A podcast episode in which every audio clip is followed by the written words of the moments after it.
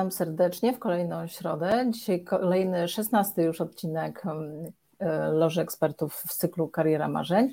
Mam nadzieję, że nie wszyscy żyją tylko majówką, że macie już dosyć atrakcji fizycznych i zwiedzania i że zatęskniliście trochę za rozwojem osobistym i za tą tematyką. Kto mnie jeszcze nie miał okazji poznać, Agnieszka Okońska, prowadzę od prawie roku taki cotygodniowy cykl Kariera Marzeń. Część odcinków poświęcona jest młodszym osobom zaczynającym karierę zawodową e, i to jest cykl My Life, My Rules, e, ale też jest drugi cykl Loża Ekspertów i tu zapraszam osoby doświadczone w doradzaniu w karierze zawodowej, które mogą się podzielić swoim doświadczeniem i swoją niezwykłą wiedzą, tak, żeby innym pomóc tą karierę rozwijać. Moim gościem dzisiaj będzie moja imienniczka o przepięknym nazwisku, e, Agnieszka Ert-Ebert. Witam Cię, Agnieszka, serdecznie. Cieszę się, że w tą e, jeszcze trwającą być może majówkę dla niektórych znalazłaś czas. E, I tak jak wszystkich dotychczas proszę, żeby coś o sobie powiedzieli, tak też poproszę Ciebie, żebyś powiedziała, kim jesteś, czym się na co dzień zajmujesz. A wszystkich, którzy już są z nami, witam serdecznie. Będziemy jeszcze do Was wracać z e, prośbą o to, żeby dać znać, że jesteście z nami. E, witam Państwa serdecznie, witam Cię serdecznie Agnieszko, bardzo dziękuję za zaproszenie. E, zaczynasz od mocnych pytań, kim jesteś, to takie mocno mentoringowe, coachingowe pytanie, ale tak spróbuję wprowadzająco. Jestem, pracuję z ludźmi i dla ludzi pomagam dla moim klientom znaleźć rozwiązania, tak zwane solution ich problemów. E, jestem mentorem, coachem. W dzisiejszej nomenklaturze jestem gigersem, to znaczy nie jestem związana z żadną organizacją na stałe, po prostu wchodzę, mhm. robię projekty, realizuję i wspieram. E, jestem doświadczonym HR-owcem, zarządzam zmianą również projekty HR-owe, projekty zarządzania change management. E, no takim jestem trochę multiinstrumentalistą. Mhm. E, a powiedz, jakimi klientami na co dzień pracujesz e, w tym, co robisz e, na co dzień? Czy to są klienci instytucjonalni, czy, czy tacy indywidualni, czy i tacy, i tacy? Mhm. A jeśli tak, to z którymi pracujecie się lepiej? Wiesz co, z racji w ogóle mojej dotychczasowej ścieżki zawodowej, która gdzieś tam toczyła się w korporacjach, w międzynarodowych firmach albo w dużych firmach y, polskich, y, głównie pracuję z klientami biznesowymi, korporacyjnymi, czyli tak mówiąc wprost B2B. I to są przeróżne organizacje, bo to są i duże, renomowane marki, e, to są firmy właścicielskie, to też są firmy w funduszu na przykład private equity, spółki portfelowe. E, pracuję z klientami indywidualnymi, to pracuję relatywnie mniej, to głównie z polecenia, ktoś się rzeczywiście mnie poprosi o, o wsparcie, y, także moimi klientami są bardziej firmy po prostu. A powiedz, czy też mm, w swojej pracy zajmujesz się taką tematyką jak budowanie zespołów? Y, a dlaczego pytam, to zaraz przejdę do drugiego mhm. pytania, ale najpierw chciałabym, żebyś dała znać, czy, czy, czy budowanie zespołów to też jest tematyka, z którą pracujesz? Tak, jak najbardziej budowanie zespołów, e, czyli stworzenie rzeczywiście mhm. efektywnego zespołu, e, stworzenie czasem z grupy ludzi zespołu, e, no to jest jeden z obszarów, którym się zajmuję. Sama też jestem doświadczonym liderem, no zarządzałam zespołami nawet do 50 osób, więc jakby znam to z praktyki, przeszłam to sama, wiem do kości, na czym polega mhm. być, być liderem i myślę, że to jest bardzo ważna, kluczowa kwestia, bo no, jakkolwiek by jednostka była utalentowana, to jednak nikt w pojedynkę e, niewiele wskóra i tutaj ta siła zespołu, ta synergia, że 2 plus 2 równa się 5, prawda? Mhm. Więc no to chyba właśnie wszyscy do tego dążą i dlatego ten, ten team coaching i rozwijanie zespołu, e, efektywność zespołu, komunikacja w zespole, to wszystko jest niezwykle ważne. W międzyczasie witam Piotra, witam Magdę. Fajnie, że jesteście z nami, mimo e, tej kończącej się majówki. E, Agnieszko, pytałam Cię o to budowanie zespołów, e, dlatego że przynajmniej ja ze swojego doświadczenia wiem, że jak mamy możliwość zbudowania własnego zespołu, bo nie zawsze mamy taką możliwość, czasami dostajemy z dobrodziejstwem inwentarza zespół i musimy nim zarządzać i to, czy on jest taki, czy nie, to, to po prostu nad nim pracujemy trochę i z nim trochę pracujemy, ale jak mamy możliwość zbudowania zespołu, to przeważnie mamy taką tendencję, i to pewnie jest ludzkie, że dobieramy sobie do tych zespołów naszych e, osoby, które są do nas bardzo podobne. Bo jak są do nas podobne, to, to lepiej je czujemy, uważamy, że nadajemy na tych samych falach, że mamy podobne wartości, że mamy podobną perspektywę. I teraz mam pytanie do Ciebie, czy jak budujemy zespoły właśnie z osób, które są do nas bardzo podobne, czy to nie jest zbyt krótkowzroczne e, i mhm. czy to nie ogranicza trochę perspektywy działania naszego zespołu? Na pewno jest nam łatwiej, ale czy, czy to jest na pewno dobre dla nas i dla naszego zespołu? Czy moje osobiste doświadczenie, tak jak patrzę po swoich zespołach jako, jako menadżer, ale również u klientów, to uważam, że różnorodność jest naprawdę wielką wartością. I im jestem starsza, tym bardziej się ku mhm, temu mhm. skłaniam czyli różne osoby o różnych temperamentach, o różnych doświadczeniach, o, o, o, o, różnym wykształceniu, nawet różnym sposobie myślenia. Już nie mówię tutaj o kwestiach narodowości i tak dalej, i tak dalej, mhm. ale nawet, nawet w ramach tutaj naszego, naszej polskiej narodowości, to jest bardzo fajne, dlatego że wtedy na pewne tematy możemy patrzeć z różnej perspektywy.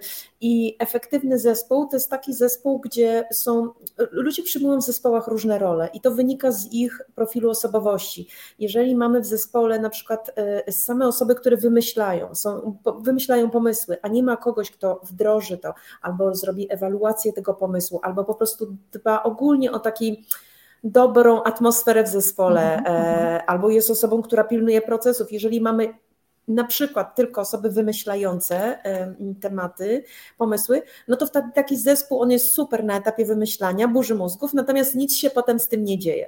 Nie ma komu e, robić. Nie ma komu robić, natomiast jak są sami rabiacze, jak ja to mówię, a nie ma komu wymyśleć, no to nie ma co na tą taśmę wrzucić. -huh, Więc dlatego -huh. fantastycznie jest, jak, jak, a role w zespole to jest kwestia osobistych predyspozycji, tych talentów, zasobów, że jedni są w czymś lepsi, inni są w czymś lepsi.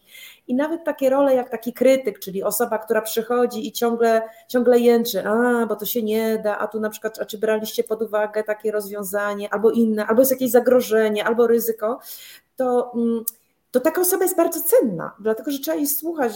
Y, uciszanie tej osoby no, prowadzi do, do katastrofy, prowadzi do tego, że być może nie, nie jesteśmy w stanie sobie wszystkiego wyobrazić, a taka osoba nas jest w stanie jakby plan B, czy plan C, czy nawet plan G wypracować, uh mhm, -huh, więc uh mhm. -huh. dlatego ta różnorodność jest cenna, natomiast ona jest trudna ponieważ osoby, osoby podobne do siebie szybko się rozumieją. To jest to tak zwana chemia, prawda, że mhm. rozumiemy się w lot. E, że jeżeli ja jestem, mówię językiem faktów i mam po drugiej stronie osobę, która mówi językiem faktów, to my rzucamy trzy liczby i wiadomo o co chodzi. Natomiast jeśli po drugiej stronie mam osobę relacyjną, dla której tak naprawdę jest ważna relacja, to co z tego, że jej podam te trzy liczby? Ona nadal nie jest przekonana do projektu, ona nadal nie ma mhm. tego buy-in. Więc mhm. widzisz, to są takie przykłady, że e, e, trzeba wiedzieć, że tak powiem, jaki kluczyk do której osoby zastosować i, i trochę się dostosować też w komunikacji, jakby to uszanować. Więc to wymaga od, od lidera takiej, ja to nazywam trochę być jak taki kameleon, prawda? Y, y, wie, zna swój zespół, wie, co kto, mm, czego potrzebuje i takim językiem do niego mówić i takie zadania też mu wyznaczać. E, no i to właśnie na tym ta polega, ta różnorodność. Trzeba sobie zadać trudu, to wymaga czasu, to wymaga też takiej otwartości, uważności na ludzi i pytania się ich, bo ludzie bardzo często wiedzą, w czym są dobrzy, albo można im pomóc dowiedzieć się. A my mamy taką tendencję wsadzania ludzi w jakieś tam buty, nie zapytawszy się, czy w ogóle im te buty pasują. Uh -huh, I, uh -huh. I mhm. potem ludzie są nieszczęśliwi. E, bo są nie w swojej roli, jest im niewygodnie, nie robią tego, w czym naprawdę są najlepsi, męczą się, albo są po prostu mniej efektywni, wolniej pracują, bo im to zabiera więcej czasu, bo akurat tutaj te ich zasoby są mniejsze. Mhm. Więc stąd, stąd ta różnorodność tak, ale to jest wyzwanie. Natomiast to jest wspaniała podróż też, no to jest taka eksploracja w ogóle i, i samorozwój, też dowiedzenie się to wiele też nam jako menadżerom dużo daje, prawda, bo, bo też się uczymy od poszczególnych jednostek, z którymi pracujemy i, i od nich y, jesteśmy jesteśmy w stanie może nie nabyć tych kompetencji wszystkich, ale pod, podglądać i, i, i, też się nimi zarażać. W międzyczasie witam strasznie dużą ilość już osób, które tutaj do nas ja Nawet nie wiem. Nie jestem w stanie z, z imienia wszystkich po kolei witać, więc witam Was wszystkich zbiorowo. E, ale dwa, e, dwa takie wspierające może nie do końca e, pytania, ale takie podpowiedzi od Magdy, że sztuką jest właściwe rozdzielenie tych zadań i, tak. i zgranie tych różnych indywidualności. I sama powiedziałaś, że wiemy w zespole, kto, kto co reprezentuje i, i trzeba dobrze te zadania rozdzielać. A co jeśli nie do końca znamy ten zespół? Albo nie do końca kompetencje i te predyspozycje członków naszego zespołu znamy. Czy, czy są, e, znaczy ja wiem, że są, ale jakby pytam Ciebie, czy są jakieś polecane przez Ciebie narzędzia, którymi jako lider, jako menadżer możemy się wspomagać, żeby dobrze mm, rozpoznać e, te kompetencje w członkach naszego zespołu, żeby mhm. maksymalnie efektywnie móc wspólnie pracować i, i wykorzystywać te predyspozycje w naszej wspólnej pracy zespołowej. Tak, tych narzędzi jest mnóstwo. Ja zawsze twierdzę, że najprostszym, ale niedocenianym narzędziem jest rozmowa. Mhm. Czyli jest po prostu zadanie pytania, wysłuchanie. E, to się wydaje tak trywialne, oczywiste, ale bardzo często o tym zapominamy, czyli rozmowa. Ale oczywiście są na przykład narzędzia psychometryczne, które pozwalają sprawdzić profil osobowości, preferencje, e, motywatory, demotywatory ludzi i taką zrobić sobie mapę zespołu, zobaczyć kto w czym jest dobry. Oczywiście to trzeba z tą osobą omówić, usłyszeć, jak ona to widzi. Bardzo często to jest bardzo zgodne, że to, co wychodzi, na, na, ja na przykład używam takiego narzędzia Facet 5, e, e, narzędzie na modelu Wielkiej Piątki zbudowane, jest bardzo duża samoświadomość u ludzi, natomiast jak oni zobaczą siebie na tym modelu i zobaczą te wskazówki i te wszystkie opisy, to czasami są to fantastyczne odkrycia, no takie dosłownie odkrycia Ameryk, albo wręcz zrozumienie siebie, dlaczego akurat mnie było wygodnie lub niewygodnie w danej sytuacji lub w mhm. danej roli, albo na przykład dlaczego z koleżanką, czy z kolegą, czy nawet z przełożonym mamy takie, a nie inne relacje, czy tak, a nie inaczej reagujemy na pewne zachowania. I, i wtedy, jak już budujemy tą samą świadomość siebie i innych, to też jest olbrzymi krok. No i oczywiście jest kwestia też takich kompetencji twardych, no bo jak ktoś ma robić modelowanie e, w Excelu czy w jakimś innym narzędziu, no to musi to umieć. E, czy jak jest kwestia jakieś pisania procedur, czy kwestie prawne, czy jakiekolwiek inne takie już programowanie, no specjalistyczne e, skille, no to też trzeba wiedzieć i to relatywnie jest najprościej e, e, sprawdzić na podstawie właśnie chociażby co kto robił wcześniej, zapytania się. Bardzo często też pracownicy rozwijają różne kompetencje poza godzinami pracy i, i my nie wiemy, że oni coś robią i coś ich interesuje i czasem nam nawet do głowy nie przyjdzie, że ktoś się czymś zajmuje, a potem się okazuje, że on jest w czymś dobrym, bo on to robi i wystarczy zapytać. Także ja jestem zwolennikiem łączenia tych wszystkich elementów.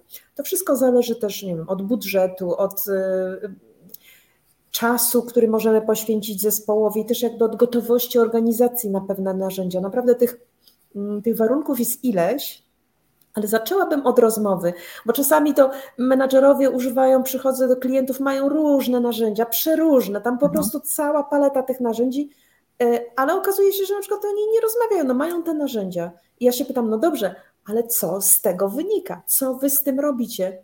No tak, no myśmy to, to, to jest i, i, i po prostu my o tym wiemy. No dobrze, ale to czy pracownik, e, jest jakiś plan rozwojowy, czy zadanie ma dopasowane e, do tych jego preferencji, umiejętności.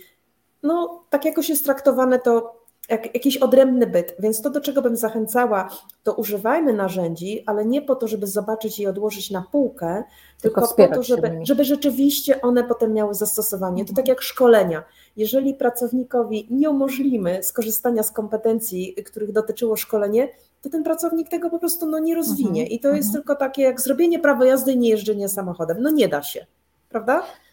Tu wiesz, e, e, Piotr zauważył, że jednym z błędów jest też zamrażanie takiego obrazu zespołu, bo i motywacje, i kompetencje, i zainteresowania członków zespołu się zmieniają, więc w takich e, zespołach, to z mojej obserwacji, które są tak zwanymi starymi zespołami, mhm. że od dawna mamy uformowany zespół, nie mamy nikogo nowego i zakładamy z góry, że wiemy, kto się czym zajmuje, a, a okazuje się, że właśnie gdzieś jakieś nowe zainteresowanie, jakieś nowe hobby albo jakiś nowy obszar w naszej firmie kogoś nagle zaczął interesować i bardzo chętnie by się trochę wewnętrznie przebranżowił i za, zajął tak. czymś innym.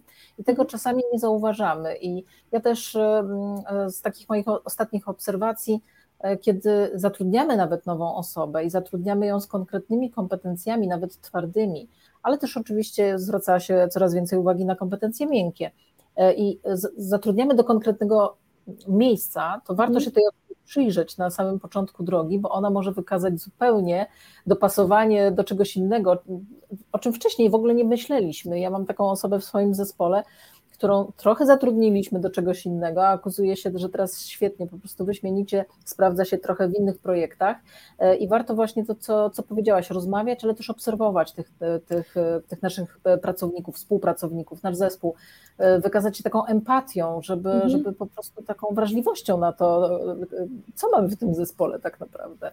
Tak, bo bardzo często gdzieś tam takie, jest takie etykietowanie pracowników, że komuś się przylepia łatka analityka, komuś się tam przylepia łatkę do jakiegoś innego zadania i, i wsadzamy gdzieś ludzi w te szuflady albo przylepiamy, przylepiamy im te etykiety i tak uważamy, że to jest jakby dożywotnio. No tak nie jest, tak jak powiedziałaś, ludzie się zmieniają, zmieniają się ich zainteresowania, priorytety i dlatego fajnie jest po prostu obserwować ludzi i nawet proponować im czasem jakieś zadania na zasadzie, a co by było gdybyś, albo słuchaj, tu jest takie zadanie, może byś spróbował. E, albo w czym się widzisz, jest projekt i to i to jest do zrobienia, czy widzisz coś dla siebie w tym? Wydaje mi się, że po prostu takie pokazywanie, danie, dawanie ludziom na talerzu, zobaczmy, co mamy na tam talerzu i co ty chcesz dla siebie wziąć, e, no to też zachęca ludzi do rozwoju. Tylko w tej sytuacji konieczne jest przyzwolenie na przykład na to, że pracownik jest trochę mniej efektywny albo popełni błędy. No bo jeżeli ktoś robi e, pewne rzeczy już ileś miesięcy, no to jest jakiś automatyzm i to bardzo sprawnie idzie. Jeżeli ktoś rozwija się, e, załóżmy poziomo, wchodzi w nowy obszar i robi nowe zadania, których wcześniej nie zrobił, no to musimy mieć świadomość, że za to jest jakaś cena. Czyli ceną jest efektywność, pewnie będzie robił to dłużej, pewnie będzie potrzebował ten pracownik albo potrzebowała, bo tutaj, żeby to było, mówię o kobietach i mężczyznach, e, mhm. trochę więcej zainteresowania, wsparcia, może kogoś bardziej doświadczonego, no i być może zdarzą się błędy. E, więc jakby to wszystko jest niezwykle istotne, rozwój tak, ale musimy mieć te, te granice, tak jakby się zakontraktować, e, tak po, po mentorsku trochę albo po coachingowemu, na co się umawiamy. Mhm. Agnieszka, nie ukrywam, że nasza rozmowa dzisiaj też będzie dotykała Twojej pasji. E, twoją pasją, kto Cię zna, to pewnie wie, a kto Cię nie zna, to się dowie, są konie. Ale to nie tylko jest pasja, którą po prostu e, daje Ci odskocznie po pracy e, od takiej mm, zawodowej strony życia, ale to, co Ty starasz się zrobić, to skorelować tą pracę z końmi z Twoją pracą e, coacha, mentora i z pracą z ludźmi. E, powiedz, skąd Ci się to w ogóle wzięło? Skąd pomysł na to, ale w ogóle skąd ta pasja? Wiesz, pasja to jest, e, to jest rodzinna, jak ja mówię to w genach DNA. Mój, mój dziadek to jest przedwojenny oficer artylerii konnej, więc te konie to u nas były w rodzinie.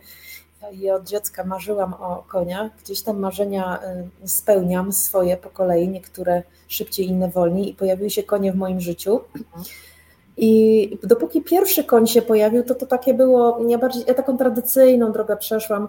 E, mm, sama praca z tymi końmi, dotarcie, że rzeczywiście to są partnerzy, to są relacje, to jest kwestia zaufania, to jest kwestia informacji zwrotnej, uważności słuchania. Mm, mm, ja tego nie miałam od razu. To dopiero się pokazało, jak w naszej rodzinie pojawił się drugi koń, ponieważ moim jeździectwem zaraziłam mojego syna. E, I jak już syn był bardziej zaawansowany w jeździectwie, kupiłam mu konia, żeby startował. I okazało się, że ten drugi koń jest kompletnie inny niż ten pierwszy. Aha. I to, co ja sobie wypracowałam takimi naturalnymi metodami, bo jest takie jeździectwo naturalne, taki nurt e, z tym pierwszym koniem, u tego drugiego konia to w ogóle nie działało. Po prostu wręcz u niego to budziło frustrację, a momentami nawet i agresję.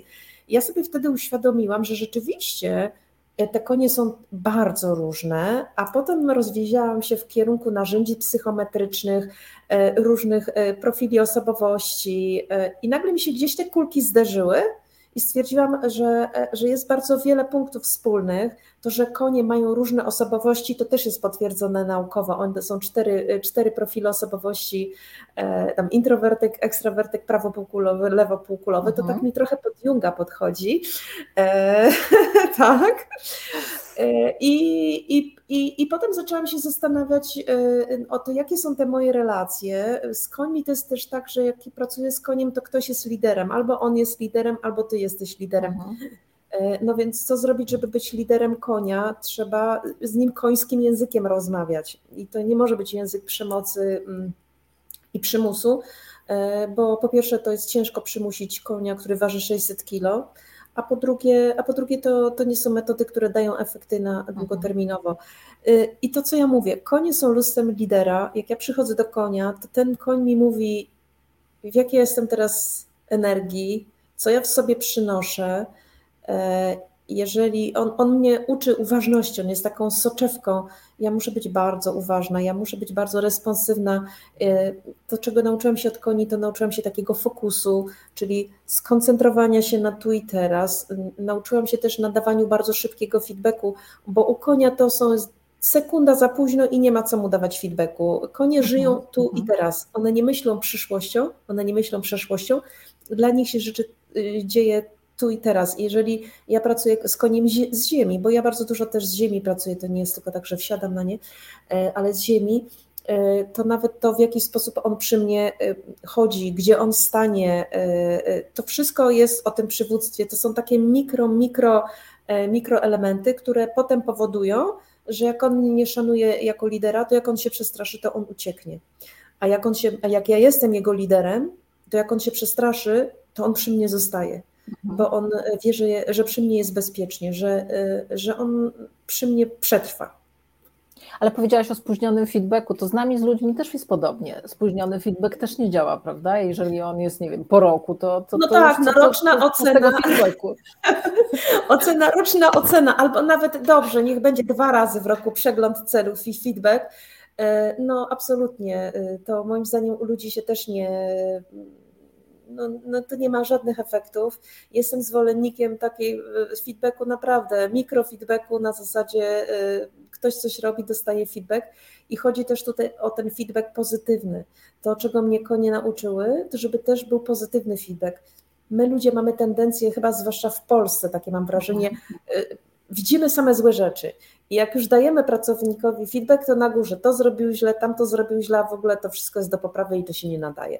Przepraszam, tak trywializuję, uh -huh, uh -huh. ale wydaje mi się, to, że, że, że feedback to jest zarówno pozytywna informacja, jak i coś, co jest do poprawy i ten timing, co to jest niezwykle istotne, że mm, jak dajemy coś, co się działo trzy miesiące temu, no to to w ogóle nie jest feedback moim zdaniem, to jest po prostu przekazanie informacji. Tak. Feedback ma ludzi rozwijać, prawda? On ma powodować, że oni mogą być lepsi, że oni mogą lepiej korzystać ze swoich talentów.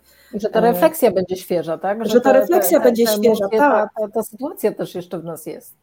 Tak, absolutnie. Także to, to, to co, co, co uważam, że konie doskonale ćwiczą, to jest ta uważność niesamowita i, i ten feedback, ale też taka elastyczność bo po pierwsze każdy koń jest inny, poza tym on ma każdy dzień inny i to, co się wczoraj sprawdzało, niekoniecznie musi się sprawdzać dziś, więc to jest taki, musisz być takim MacGyverem, mieć taki cały zestaw narzędzi, paletę i potem w zależności od tego, co ci ten koń oferuje, e, reagować.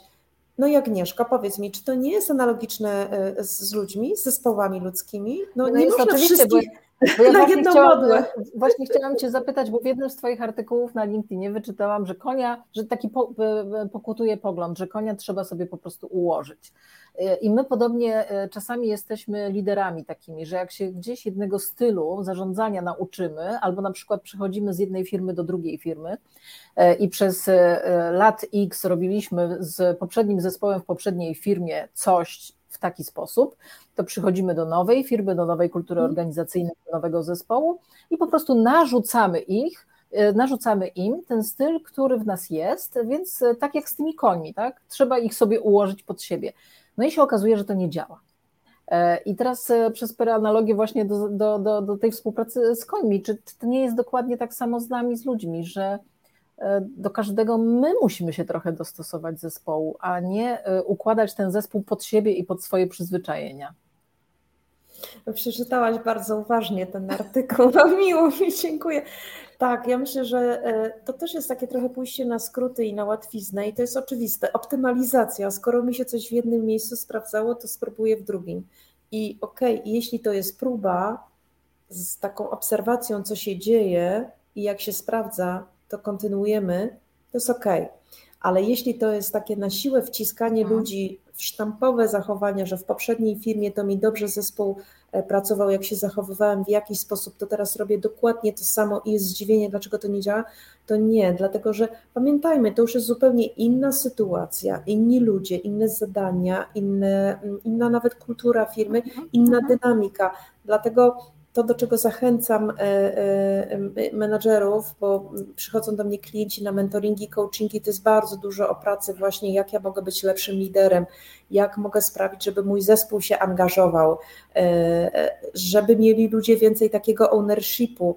No i zaczynamy właśnie mówić o tym, no dobrze, no to, to, to jak jest ten twój zespół, opowiedz coś o nim, i bywa to tak, że ludzie czasami nie potrafią, że ci menadżerowie niewiele potrafią powiedzieć o tym swoim zespole. Oni wiedzą, że tam Małgorzata to robi to i to, a Piotr robi to i to, ale jak już zadajemy trochę więcej pytań, a w czym oni są dobrzy, a co ich interesuje, a co oni by chcieli robić, to już jest kłopot, więc, więc wydaje mi się, że poznanie ludzi i bycie rzeczywiście otwartym na to, co ludzie proponują, co nam dają, to jest klucz do sukcesu, a nie wtłaczanie ich w jakieś ramy. No i to wymaga, to wymaga wysiłku, bo to jest jakby takie świadome, świadome zarządzanie. Ale to też wymaga chyba dystansu i przede wszystkim takiej trochę pokory, bo zwłaszcza menedżerowie z dużym doświadczeniem, nawet kiedy zmieniają pracę, to, to też spotkałam się z tym wielokrotnie, e, idąc na mm, rozmowę taką rekrutacyjną, mm, opowiadają, co to oni w życiu nie zrobili i, mhm. i, i, wszystko wiedzą, y, wiesz, wszystkie rozumy pozjadali, wszystkie projekty w życiu wyszły im najlepiej i oni po prostu do tej nowej firmy chcą iść po to, żeby zrobić kopiuj wklej. I okazuje się, że nie ma zainteresowania ich kandydaturą i są bardzo zdziwieni, dlaczego, bo przecież my jesteśmy najlepsi na świecie, a tu nagle dostaliśmy e, czerwoną kartkę i w rekrutacji nam nie poszło. E, I, e, I okazuje się, że to, o czym zapominamy, to, żeby pokazać, a może nawet, e, żeby mm, w sobie wypracować to, że my całe życie też powinniśmy się dostosowywać, uczyć i, i, i nabywać czegoś nowego, pokazać, że jesteśmy, że jesteśmy zainteresowani tą nową kulturą organizacyjną, że jesteśmy zainteresowani tym, co ten nasz nowy zespół może nam dać, a nie co my z dobrodziejstwem przyniesiemy z poprzedniej firmy, E, I chyba ten brak pokory i taka trochę arogancja e, pokutuje w nas, zwłaszcza w tych takich doświadczonych właśnie e, liderach czy, czy menadżerach. Czy też masz taką, takie spostrzeżenia z pracy z zespołami? Ja uważam, że teraz największą jedną z kluczowych kompetencji, która w ogóle będzie potrzebna w kolejnych latach, jest to taka umiejętność w ogóle uczenia się i, i elastyczność, bo mhm. świat się tak szybko zmienia i biznesowo, i ekonomicznie, i, i w ogóle, że to, co było dobre rok temu, to niekoniecznie musi być dobre teraz, a, a za dwa lata to już w ogóle może być prehistoria. Mhm. E, a skoro ścieżka nasza kariery trwa ile? Teraz po tym wieku emerytalnym, 30 parę lat, tak? E, no to ja myślę, że tych, jak to nazywam, przejścia trochę na inne zwrotnice językiem kolejowym, każdy będzie miał na pewno kilka, a może nawet i kilkanaście. Też obserwując nowe zawody, które się tworzą, nowe trendy, e, to już chyba się tak nie da zacząć kariery zawodowej i skończyć e, dokładnie robiąc to samo. Więc wydaje mi się, że taka umiejętność właśnie uczenia się i też samoświadomość, to w czym jestem dobry, i też co ta organizacja potrzebuje ode mnie i gdzie ewentualnie są jakieś takie luki, które mogę uzupełnić, to jest kluczowa, e, kluczowa kompetencja, dlatego że osiągnąć sukces nieświadomie możesz raz, dwa, to jest przypadek, to to lotek. Natomiast, mhm. żeby osiągnąć powtarzalny sukces, musisz mieć już tą świadomość siebie, swojego zespołu. I, i dlatego uważam, że, że poznanie siebie, poznanie ludzi, czy poprzez zwykłą rozmowę, czy z wykorzystaniem jakichś narzędzi, jest to e, inwestycja, bo jest e, to kwestia właśnie e, no, tej samoświadomości. A powiedz Agnieszka, jeszcze wracając na chwileczkę do koni, bo obiecałam, że będzie kilka pytań na ten temat. Ponieważ jesteś doświadczonym coachem, mentorem, osobą, która w obszarze HR wiele lat doświadczenia posiada, to można, e, można domniemać, że no też już wszystko wiesz i po prostu potrafisz wszystkie te diagnozy dobrze przeprowadzać, e, na sobie również. To powiedz, czego te konie nauczyły ciebie o tobie samej? Czego dowiedziałaś się o sobie ze współpracy z koni? Chciałam sprostować. Absolutnie nie uważam się za osobę, która, która wszystko wie. Ja bym powiedziała tak, im dalej w las, tym więcej drzew bo y, może jest i szczęśliwie pozostać na etapie nieświadomej niekompetencji można tak całe życie przeżeglować. Ja tak myślę, że im więcej doświadczam, im więcej projektów, czy z większą ilością klientów popracuję, tym mam wrażenie, że, że jeszcze wiele jest przede mną, ale oczywiście szanuję i doceniam tę wiedzę, którą mam. Uh -huh. I teraz czego mnie te konie nauczyły? Te konie nauczyły mnie y, takich kwestii, że mogę poznać, ile ja tak naprawdę mam odwagi i mocy. Chyba sobie nie zdawałam sprawy, ile, ile, ile gdzieś mogę z siebie tego Mm, tego wydobyć, bo miałam kilka takich sytuacji, że, mm, że rzeczywiście nie przypuszczałam, że jestem w stanie mieć tyle odwagi. Właśnie w tej relacji z koniem, który, który próbował mnie w jakiś silny sposób zdominować. Tą historię to ja gdzieś tam opisywałam, że pracowałam właśnie z tym drugim. Mogę ją przytoczyć, bo to pokażę. Proszę, proszę, tak? jasne. Pracowałam z tym drugim koniem kupionym i on taki był też mocno dominujący. Próbował mnie przestraszyć, bo konie, jak, jak chcą się pozbyć e, lidera, to próbują go przestraszyć i sprawdzają, na ile on, na ile on jest twardy. Ja z nim mhm. pracowałam z ziemi na takiej linii, próbowałam go zachęcić, żeby tak biegał wokół mnie, w jakimś takim dosyć umiarkowanym tempie, a on miał inny pomysł i on najpierw mi takie wysyłał sygnały, takie, to widać było, że on jest niezadowolony. I jak ja go po raz któryś go poprosiłam o wykonanie tego samego, on do mnie podszedł i on stanął na dwóch tylnych nogach, dęba, tak do góry, no jak koń stanie na dwóch tylnych nogach, to ja nie wiem, on ze 3 metry może mieć wysokości mhm, mhm. i on tak nade mną stanął z tymi kopytami. Mm, to trwało ułamki sekund, i, ale ja wiedziałam, że jak ja się cofnę, to już ja z nim nie będę miała rozmowy. Już mhm. po prostu nie mam co do niego. Tak, mhm. on mnie zdominuje. Więc mhm. ja wtedy y, gdzieś tam z siebie po prostu wydobyłam taką odwagę, że stanęłam na palcach, wyciągnęłam ręce do góry, tak, i powiedziałam: Nie cofnę się, nie cofnę się. Y, I on opuścił te y, przede mną, tak po prostu, nic oczywiście mi nie zrobił i się na mnie popatrzył. Naprawdę mi się bardzo uważnie przyjrzał. Potem raz tylko mi jeszcze próbował tak lekko się oderwać, ale mu mhm. znowu powiedziałam: Nigdy potem mi tego nie robił. Wiesz, i to jest coś takiego, co mnie nauczyło, ile mam w sobie siły. I jak mam takie trudne sytuacje e, w życiu zawodowym czy osobistym, to jest taka moja kotwica tej siły, że sobie myślę, no jak to, no nie dasz rady i wtedy przywołuję ten obraz, to jest też taka metoda coachingowa, mhm. przywołuję ten obraz, z którego czerpię siłę, tego konia, który nade mną stoi i, i, i dęba, i, I to jest taka moja kotwica, kiedy czuję, że myślę, że mam kryzys, że nie dam rady, że nie podołam, że to mnie przerasta, no to jest ta odwaga. No i czego mnie nauczyły? Dzisiaj to tego nie widać, ale nauczyły mnie słuchania, no bo zaprosiłaś mnie po to, żebym mówiła, więc mówię Agnieszko, ale zaprosiły mnie również słuchania, takiego mhm. rzeczywiście też ograniczenia swojej energii, żeby nie być takim buzującym i, i i takim energetycznym, co jest bardzo potrzebne, na przykład pracując z zespołami, bo niektórzy ludzie mają niską energię i, i jeżeli ja mam zbyt wysoką energię, to po prostu ci ludzie się mogą przerazić, mogą się gdzieś tam chować i, i, i zatrzaskiwać. E, na pewno nauczył mnie dużej obserwacji. Niektórzy mnie się pytają, skąd ty tak wiesz, skąd ty to widzisz, skąd ty to czujesz? A to jest, to jest po prostu obserwacja, bo to są czasem mikro jakieś takie, no i intuicja. Uh-huh, uh-huh. Więc takich rzeczy mnie nauczyły, ale nauczyły mnie też właśnie takiej empatii i chyba takiej życzliwości, że ja wiem, że one, te konie zawsze mają dobre intencje, więc próbuję też to przekładać na relacje ludzkie. Wiemy, że ludzie czasem nie mają dobrych intencji, ale dzięki koniom jakby staram się patrzeć bardziej przez różowe, dzisiaj mam niebieskie okulary, ale przez różowe e, okulary na relacje ludzkie, zakładając, że ten, ten partner ma dobre intencje. To, co powiedziałaś o tej próbie dominacji, e, to mnie się teraz tak skojarzyło, bo kiedy chcemy być takim liderem, e, partnerem zespołu, czyli dalekim od takich metod autorytarnych, e, to czasami możemy mieć kryzys autorytetu w zespole. Może być tak, że za bardzo przyjacielsko nas zespół też potraktuje, E, i źle odbiera te sygnały, że my jesteśmy takim, chcemy być liderem, który jest dobrym kumplem w zespole i to na, po prostu mm, e, najzwyczajniej w świecie wykorzystuje w negatywny, w negatywny sposób. E, I to, to, to, co ja ze swojej też kariery zawodowej, z mojego doświadczenia pamiętam, że są takie momenty, kiedy właśnie na tych palcach trzeba ustać i, i trzeba pokazać, kto tu rządzi. I myślę, że to też jest fajna taka analogia do tego, jak, jak w zarządzaniu zespołami też należy czasami się zachować, więc e, takie skojarzenie mi się nasunęło teraz. Ale to jeszcze jedno Ci tak dam skojarzenie, to jest o tej przestrzeni i wytyczaniu granic. I też mhm. przychodzą do mnie klienci, którzy mówią, no tak, bo ja tutaj tak staram się być taki właśnie servant leader tak. i tak wspierać ludzi, a oni mi wchodzą na głowę.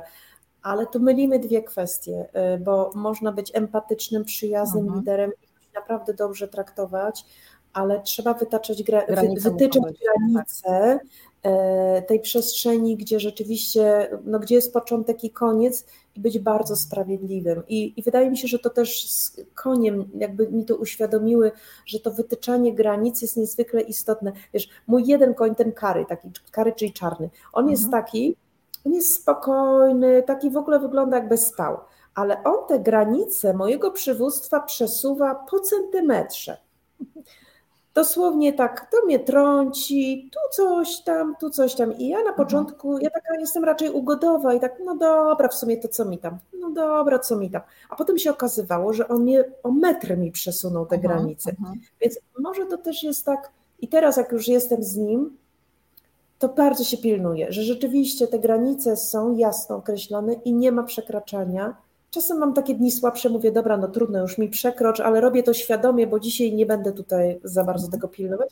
I może to trochę z tymi zespołami, że po pierwsze to oczywiście trzeba mieć jasny cel i do czego dążymy, wartości i tak dalej, i tak dalej, ale w tych relacjach takich codziennych ludzie potrzebują tego jasnego powiedzenia, tej przestrzeni, to gdzie się poruszamy, gdzie się zaczyna gdzie się kończy i rzeczywiście sygnalizowania im tego, że to już jest za daleko, albo że jeszcze jest przestrzeń. I tu chodzi o ten instant feedback właśnie, że okej, okay, to się teraz wydarzyło. Mhm. To mamy pytanie e, od Magdy.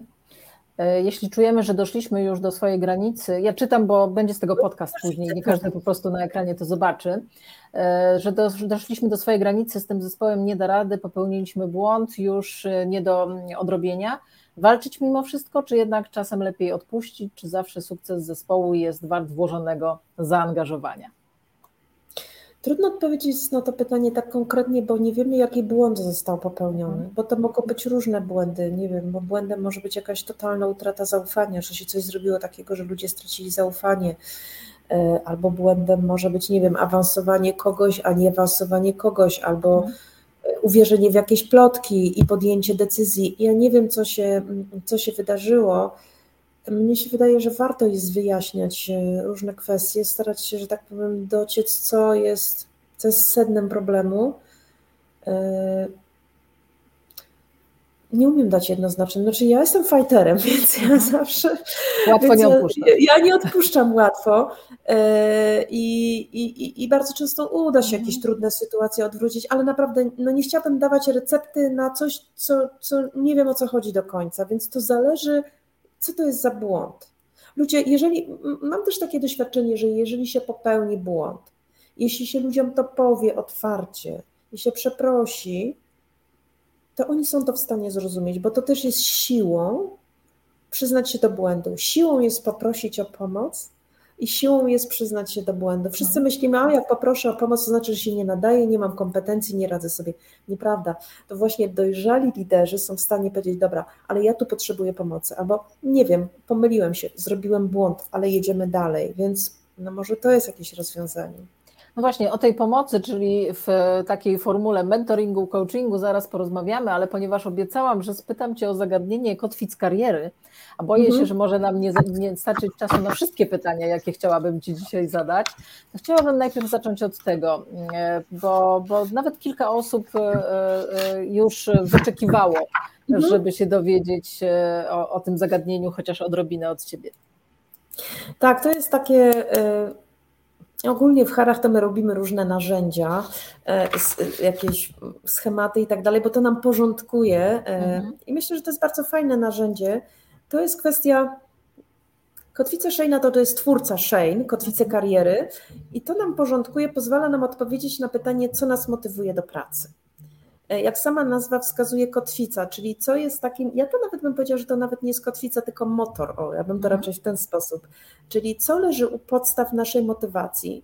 Jest osiem, początkowo było pięć e, kotwic, teraz jest osiem kotwic, wypełnia się kwestionariusz i na tej podstawie można określić, czy co jest dla mnie ważne, czyli co mnie motywuje. Na przykład, czy motywuje mnie autonomia i niezależność, czy motywuje mnie profesjonalizm, przywództwo.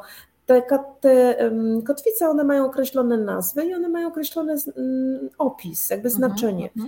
I warto jest wiedzieć, oczywiście jak każde narzędzie, no nie można być jego niewolnikiem, to jest jakiś początek w ogóle do, do, do autodiagnozy, do refleksji, żeby się zastanowić, co jest ważne. No bo na przykład jeśli mm, dla kogoś jest warte, załóżmy bezpieczeństwo i stabilizacja, taka kotwica, albo może być tak, że na przykład dwie czy trzy kotwice są istotne, no to my taką osobę zastanówmy się, jak będziemy ją promować do jakiejś nowej roli, która jest na przykład taka trochę ryzykowna, pierwszy raz stworzona w organizacji, albo jakiś projekt taki, w ogóle pierwszy raz robimy taki projekt, no to osoba z taką kotwicą, dla której bezpieczeństwo i stabilizacja jest kluczowa, no to może ona, to nie jest dla niej najważniejsze.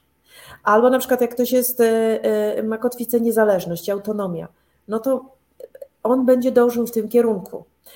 Wtedy, wtedy dla niego na przykład stanowiska pracy, czy firmy, czy nawet role, na przykład związane e, e, z, właśnie z tym bezpieczeństwem, no to może nie do końca będą mm, istotne, tak jakby kluczowe. To znaczy, to nie znaczy, że my nie możemy funkcjonować, jeśli mamy inne kotwice kariery niż, niż w naszym środowisku to, pracy, to co robimy, ale na pewno najfajniej się robi robotę, którą się chce robić, prawda? Mhm. Czyli to wtedy nie potrzeba żadnej dodatkowej motywacji, bo to tak jakby jest samograj. Więc te kotwice kariery to jest taki trochę drogowskaz. I myślę, że na każdym etapie życia trochę się te kotwice mogą zmieniać, y, bo profil osobowości to się nie zmienia. Oczywiście, jeśli są traumy czy jakieś takie wydarzenia naprawdę znaczące, no to to, to może ulec zmianie. Natomiast kotwice kariery wydaje mi się, że mogą się zmienić, bo tak nawet patrzę po sobie, jak patrzę na Agnieszkę nie wiem, sprzed 15 lat, mhm, mhm. to co było dla mnie ważne i czym się kierowałam, a jak spojrzę teraz na siebie, to co dla mnie jest ważne i widzę, że tutaj okej, okay, niektóre zostały wspólne, ale niektóre się już trochę zmieniły. Gdzie mhm. indziej się zakot... gdzie indziej tą kotwicę zarzuciłam już. Mhm, mhm. Dobrze, to porozmawiajmy, słuchaj, o mentoringu i y, coachingu. Mentoring coraz bardziej popularny robi się e, w Polsce, bo na świecie był popularny już dużo wcześniej. Jest wiele różnych organizacji, w których e, można być formalnie mentorem, e, dużo takich procesów nieformalnych, zupełnie naturalnie się toczy na przykład gdzieś tam w firmach. Powiedz, czy zauważasz, bo moja obserwacja taka jest, że coraz bardziej mentoring i coaching zaczynają ze sobą współgrać. Taki model hybrydowy zaczyna działać. I to jest e, z mojej obserwacji przynajmniej wynika, że jest to bardziej oczekiwanie tych coachi i menti niż, e, niż narzucanie przez osobę, która jest mentorem czy coachem. E, dlatego, że jednak ludzie trochę potrzebują porady, a nie tylko zgłębiania ich refleksji nad sobą. E, no ale z drugiej strony sam mentoring może mm, być niewystarczający, jednak trochę tych narzędzi coachingowych do tej współpracy i do tej, do tej współpracy z menti czy coachi by się jednak przydało i one się zaczynają ze sobą zagłębiać, jakby zazębiać ze sobą. Czy też masz taką obserwację, powiedz? Tak, y, i dlatego jestem e, akredytowanym mentorem i coachem w EMCC Global, dlatego że w tej organizacji, która akredytuje właśnie mentorów i coachów, można mieć jednocześnie tą akredytację. Mhm. Mm, bo na przykład ICF daje akredytację na coacha, nie chcę powiedzieć tylko, ale na coacha. Mhm. E, I oczywiście trzeba rozróżnić, co to jest mentoring i coaching, bo w mentoringu, w coachingu nie musisz być ekspertem w danej mhm. dziedzinie, po prostu jesteś coachem, a w mentoringu rzeczywiście to już jest dobrze się trochę znać na tej dziedzinie, z tak. którą klient do ciebie przychodzi. I też, tak prawdę mówiąc, też obserwuję, e, że klienci, oni nawet czasami nie wiedzą, czego potrzebują, bo na przykład mówią, to ja potrzebuję coachingu albo potrzebuję mentoringu, e, ale potem w trakcie rozmowy ja im oczywiście wytłumaczę, na czym polega coaching, na czym polega mentoring. I na przykład jeśli jest to program rozwojowy oferowany przez, przez firmę, to my mamy zawsze taką sesję trójstronną z HR-ami czy sponsorem projektu i wtedy ja opowiadam, co to jest mentoring, co to jest coaching i bardzo często klienci się decydują na taką formułę hybrydową, czyli mhm. rzeczywiście łączenie tego. Mm, tylko ja zawsze myślę, że fajnie jest na przykład mówić, kiedy kiedy jest się bardziej w roli mentora i coacha. Mhm. I nawet takie bardzo fajne ćwiczenie, jak ja mówię, że ja tam zmieniam sobie czapeczkę, no ja jeszcze mam czapeczkę czasem HR dyrektora, sobie rozmawiam w takiej czapeczce, także mam dużo tych czapeczek, z którymi rozmawiam, których y, zmieniam, żeby rozmawiać mhm. z moimi mhm. klientami, ale jak oni zadają jakieś pytanie mi, to ja się ich pytam, a pytasz się teraz mentora czy coacha? Mhm. I wiesz, jest taka... I oni bardzo często wybierają no mentora, albo mhm. mówią coacha, prawda?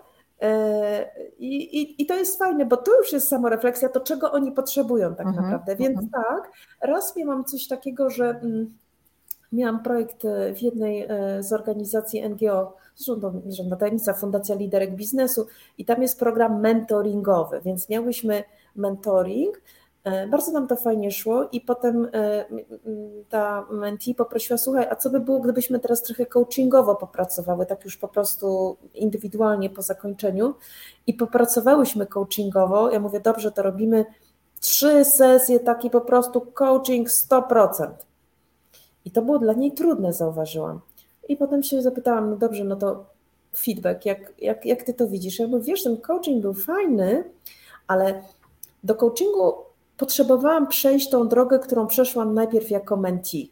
Mhm. I ona mówi, i to było fajne, bo gdybyś mi zaproponowała na, na dzień dobry ten coaching, to pewnie ja nie do końca mogłabym wynieść z tego tyle, ile, ile wyniosłam. Więc tu poruszamy bardzo ważną kwestię, kwestię gotowości klienta na to, co mu oferujemy.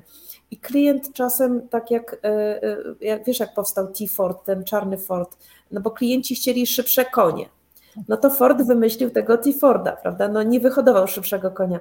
I klienci też czasem mówią, że chcą tego szybszego konia i naszą rolą, e, mając doświadczenie, badając te potrzeby klienta, rozmawiając z nim, jest tak naprawdę zorientować się to, o co chodzi i co ja mogę mu zaproponować. Ale powiedz, jak obserwujesz to, mm, ten mentoring i coaching w Polsce to jest Moda czy realna potrzeba wynikająca z coraz większej dojrzałości osób, które po to sięgają? Ja bym powiedziała both, czyli mówiąc po angielsku, oba. I dobrze, jest moda, e, e, na pewno jest, to bym powiedziała tak, jest dużo większe zainteresowanie, jest dużo większa samoświadomość w ogóle, że coś takiego jest. E, to wchodzi coraz szerzej do, do firm, więc jakaś jest moda, ale jest też potrzeba E, bo e, jakby organizacje się zmieniają, szkolenia, e, ok, to wszystko, wewnętrzne programy rozwojowe, tak, ale gdzieś jeszcze jest potrzeba to coś więcej, jeszcze taki booster czasami jest dodatkowy mhm. potrzebny i, i, wtedy, i wtedy ten mentoring, coaching w organizacjach, a indywidualni klienci, no to tak, no bo ludzie poszukują swojej drogi życiowej, sensu życia, Y, mają na przykład jakieś dylematy związane ze ścieżką kariery, co ze sobą zrobić, więc tutaj jak najbardziej y, mentoring i coaching. I bardzo cieszę się, że ten mentoring i coaching trochę jest taki, zaczyna być odczarowany, bo dużo mitów i niekoniecznie dobrych. Kołyczy przez łyczy, to takie tak. trochę jest. E, e, I, I, jest też sporo ludzi, którzy jakby szkodzą tej branży, bo oni się poddają za tych mentorów i coachów, mhm. a nimi tak mhm. naprawdę nie są, bo nie mają ani wiedzy, ani doświadczenia, mm, y, ani akredytacji. Znaczy, można być mentorem i coachem bez akredytacji, jak mhm. najbardziej, mhm. ale tu chodzi o wykształcenie, wiedzę. E, I cieszę się, że, że, że dużo się wokół tego dzieje, bo, bo, bo to się rozwija i wydaje mi się, że jeśli to przynosi wartość, to to się obroni i potem metodą Net Promoting Score, polecenia, warto, fajnie, dało mi to coś, spróbuj. I, i to jest chyba najlepsza rekomendacja klientów, e, zadowoleni klienci, którym to się sprawdziło, to jest chyba najlepsza rekomendacja. A powiedz, jak porównujesz możliwość e, odbywania takich sesji coachingowych, mentoringowych, normalnie tak fizycznie, face to face albo online, to czy czy te sesje online mają e, szansę pozostać z nami dłużej niż tylko na okres pandemii? E, bo podzielę też się swoim mhm. E, spostrzeżeniem. Ja zauważyłam, że dało to możliwość większej dostępności.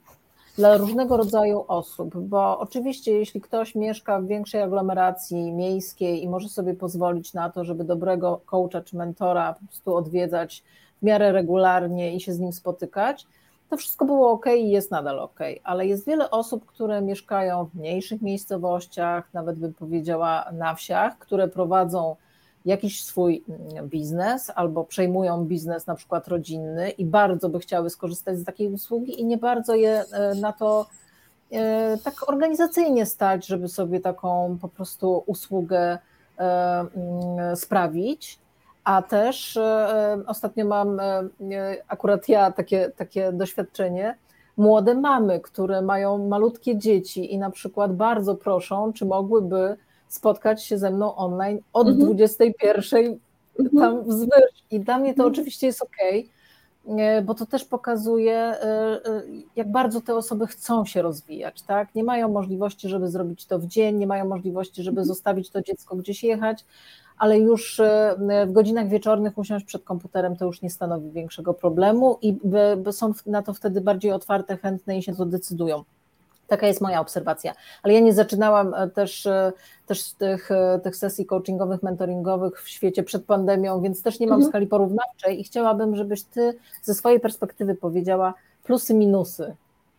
Wiesz co, osobiście myślę, że ten online, on tak zdemokratyzował trochę ten coaching i mentoring. To, o czym ty mówisz, ta kwestia lokalizacji, dojazd i tak dalej, to jest bardzo ważna, ale nawet jeśli jest się w tym samym mieście, to to, że można się umówić na spotkanie online też jest większa dostępność, bo po prostu y, klienci nie muszą dojeżdżać, nie tracą czasu na dojazdy, i można się w ciągu dnia, czy rano, czy po południu, więc jakby jest większa elastyczność, większa dostępność mhm. E, i ci ludzie mogą rzeczywiście regularnie, e, przełożenie sesji nie stanowi problemu wtedy, więc jakby to jest taka, to co mówisz, albo osoby się spotykają bardzo wcześnie, albo bardzo późno, to oczywiście decyduje coach i mentor, czy pracuje, w jakich godzinach pracuje, ale tak, więc to, i to tak jak rekrutacja trochę też przeszła do, do online'u i bardzo to uprościło, bo jest większa dostępność jak to ktoś powiedział, są plusy dodatnie i plusy ujemne. Mhm. znaczy, na pewno. Y, mm, znaczy, ja jestem wielką fanką relacji człowiek-człowiek i jak się kogoś zobaczy, jak ja mówię, dotknie, usiądzie koło mhm. niego i zobaczy się całą tą osobę, y, to jednak ta relacja, relacja jest inna. No w okienku to widzimy się tyle, ile sobie pokażemy. Tak, tak. Y, mm, coaching jest i mentoring opiera się na relacji i na zaufaniu. Więc to działa na tyle, na ile potrafisz zbudować tą mhm, relację. I mhm. wydaje mi się, że to też trochę weryfikuje kompetencje e, mentorów i coachów, bo są osoby, które sobie świetnie radzą w online, a są osoby, które się czują mniej komfortowo. I, i oczywiście dla, dla klienta też są różne pokusy, bo jak jest się w sali razem z mentorem, no to trudno w telefonie albo maile sprawdzać ale z drugiej strony to jest taki test też takiej dojrzałości, no bo jeśli jest ta godzina czy półtorej sesji i te sesje przynoszą wartości, to ci klienci wyłączają te komórki i oni nie odbierają tych maili. E, więc to też jest taki, taki dodatkowy test, na ile te sesje czy dają. Potrafią wartość. sobie podarować tą godzinę. Czy potrafią sobie podarować tą godzinę i tak. na ile my dajemy wartość klientowi. Mhm. No bo trudniej jest tak jakby utrzymać uwagę klienta i zaangażowanie i go zaprosić do tej pracy y, online. Na pewno jest trudniej mhm. I, i, i te początki są trudniejsze, to poznanie się, zbudowanie relacji, potem to już idzie naprawdę bardzo gładko. Myślę, że te początki są najtrudniejsze, no ale ja powiem tak, to jest kwestia przestawienia się, to jest kwestia też tej uważności, obserwacji ludzi, ale to jest no, zadawanie pytań i bycia z tą osobą, podążania, empatii, więc tu na pewno te sesje online'owe, one są męczące. Ja muszę powiedzieć, że to ode mnie wymaga niesamowitego skupienia. Więcej energii. Więcej mhm. energii, więcej takiego fokusu na klienta, e, na tej osoby, którą mam, bo, bo żeby z tego okienka wyciągnąć więcej niż jest. Mhm. To jest trudne. No i znowu te konie, ta uważność, ta obserwacja tu mi jakby pomagają, ta empatia, ta intuicja, ale też odwagi trzeba, bo czasem trzeba zaproponować coś klientowi, nie jesteśmy pewni, czy to zadziała, czy on jest na to gotowy, i próbujemy i obserwujemy, więc, więc ta odwaga też jest e, istotna w online, żeby, żeby nie być takim nijakim i żeby rzeczywiście proponować rzeczy, które, które rozwijają klienta, a jednocześnie no, są dla niego komfortowe, tym bycie tak, czasem proponujemy niekomfortowe rzeczy, ale żeby to było tak, że klient chce w nie wejść. O, to mhm. tak. I to jest ta obserwacja. A propos jeszcze komfortu, powiedz, czy da się przeżyć życie w miarę bogate zawodowo e, bez wychodzenia ze strefy komfortu? Agnieszko, ja mogę tylko o sobie powiedzieć. Nie przeżyłam żyć innych ludzi. Ja mogę powiedzieć tak i o z obserwacji. Mhm. Myślę, że nie, że, że, ale wszystko zależy, co to jest ta strefa komfortu, bo dla mhm. każdego to oznacza co innego. Znaczy, na pewno to nie jest tak, jak wiesz, prędkość, że 50 km na godzinę, to w każdym samochodzie to znaczy to tak, samo. Tak. Dla mhm. każdego coś przychodzi, dla jednego przychodzi coś z łatwością, dla drugiego to już jest wyjście ze strefy komfortu, czyli o, o, może to nie jest do końca tak, tak wygodnie. Więc moim zdaniem trudno jest e, przeżyć takie rozwojowe życie zawodowe bez wychodzenia ze strefy komfortu. E, natomiast to jest indywidualna decyzja i to jest też kwestia trochę takiej e, odwagi, to też odwaga znowu tutaj, ale też ja uważam, że są ludzie, którzy się lubią i potrafią rzucić na głęboką wodę i to im służy, ale są osoby, które nie. I wtedy to wychodzenie ze strefy komfortu też bym sugerowała centymetr po centymetrze, po troszku. Mhm. Nie patrzeć na innych, nie patrzeć na koleżankę czy kolegę z pracy, tylko patrzeć na siebie i obserwować się. Czyli nie wiem, podjąć się jakiegoś nowego zadania, albo zabrać głos w dyskusji, bo dla niektórych to może być wyjście ze strefą komfortu, albo przyjście do, e, do, do, do szefa, zapytanie o feedback, albo danie feedbacku szefowi, to jakie to czasami jest wyjście ze strefy komfortu. Więc można sobie taką zrobić małą listę rzeczy, co by dla mnie oznaczało wyjście ze strefy komfortu i próbować to e, e, realizować, a potem to jest taki trochę nawyk. No, ja jestem trochę uzależniona od tego wychodzenia ze strefy komfortu, ale to ten mój typ tak ma. Ja, uh-huh, ja nie mogę uh-huh. mówić za innych i jak mam rutynę, to ja się nudzę. E, I, I dla mnie właśnie to poszerzanie tych granic, to ciągłe rozciąganie się, to, to poszerzanie tej mojej elastyczności, e, to mi to pasuje. Natomiast jak spojrzę na Agnieszkę sprzed 20 lat, to Agnieszka taka nie była. Uh-huh, uh-huh. Więc to pewne rzeczy można wypracować. To jest kwestia przekonań. To, to jest naprawdę bardzo wiele elementów. Y, no i fajnie mieć mentora na przykład, chociażby w organizacji, jakąś życzliwą osobę, kogoś, z kim można przegadać i to daje niesamowite wsparcie. Ludzie potrzebują być wysłuchani. Ludzie no właśnie, bo, bo tak naprawdę... Nie potrzebują rad, czasami nie mhm. potrzebują rad, czasami wystarczy, że wystarczy, ktoś życzliwie, z życzliwą tak. intencją wysłucha. Bo wiesz, bo e, też, też mówię o swoim doświadczeniu. Czasami trudno jest nawet zdiagnozować, że jesteśmy w strefie komfortu, bo sama nazwa wskazuje. To jest strefa komfortu, jest nam komfortowo, dobrze. Mhm. Tylko chodzi o to, żeby nie przespać tego momentu, kiedy to komfortowo stanie się taką trochę dla nas e, e, złotą klatką, w której my się za mocno tam rozgościmy mhm. E, i stracimy, stracimy taką uważność e, i, i może nadejść taki moment, a to co jest pewne to zmiana, e, że będzie trzeba nagle w sposób nieprzygotowany z tej strefy wyjść i, i to może być bardziej bolesne doświadczenie. Więc takie delikatne przygotowywanie siebie na takie chociaż mniejsze kroki, które gdzieś tam nas z takich małych stref komfortu wyciągają, mogą być przygotowaniem się na coś, co nas może spotkać w życiu bardziej drastycznego, nawet bym powiedziała. E, więc e, myślę, że, że warto się nie rozleniwiać tak zupełnie zawodowo. Tak, to jest niezwykle ważne to, co mówisz, e, żeby, żeby rzeczywiście nie rozleniwiać się. No, nic nie trwa forever i wydaje mi się, że trzeba mieć tę otwartość na eksperymentowanie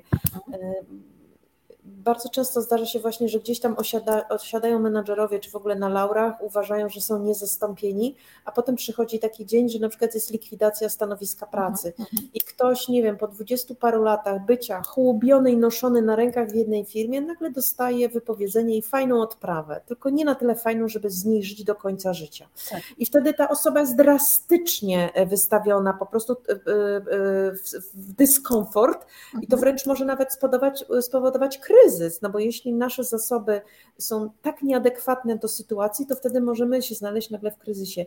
Więc to, co mówisz, jest niezwykle istotne.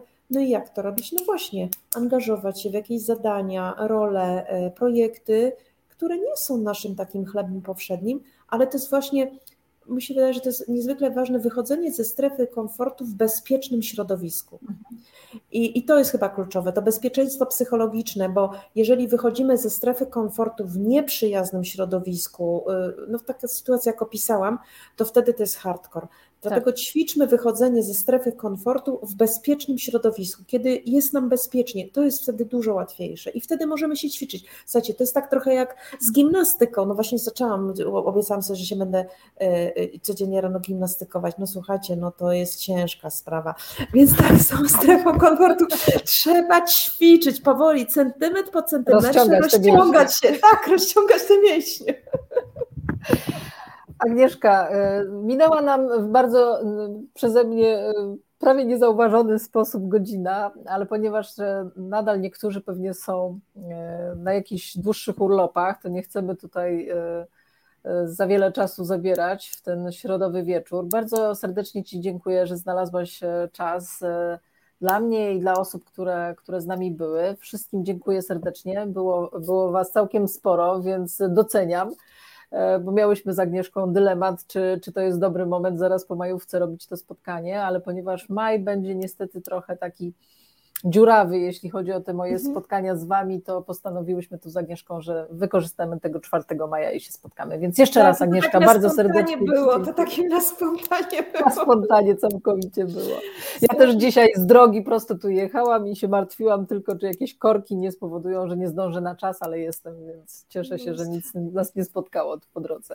Super, bardzo dziękuję, dziękuję, że Państwo zechcieli tutaj dołączyć. Agnieszko, było mi niezmiernie miło gościć u Ciebie, polecam się, także Y, wiesz, gdzie mnie szukać. No i zapraszam do, do zainteresowania się tymi końmi. Naprawdę fantastyczna, fantastyczna sprawa, a moje marzenie, no to wkrótce będę realizować coachingi z końmi, więc mam nadzieję, że, Świetna z Państwa się spotkamy.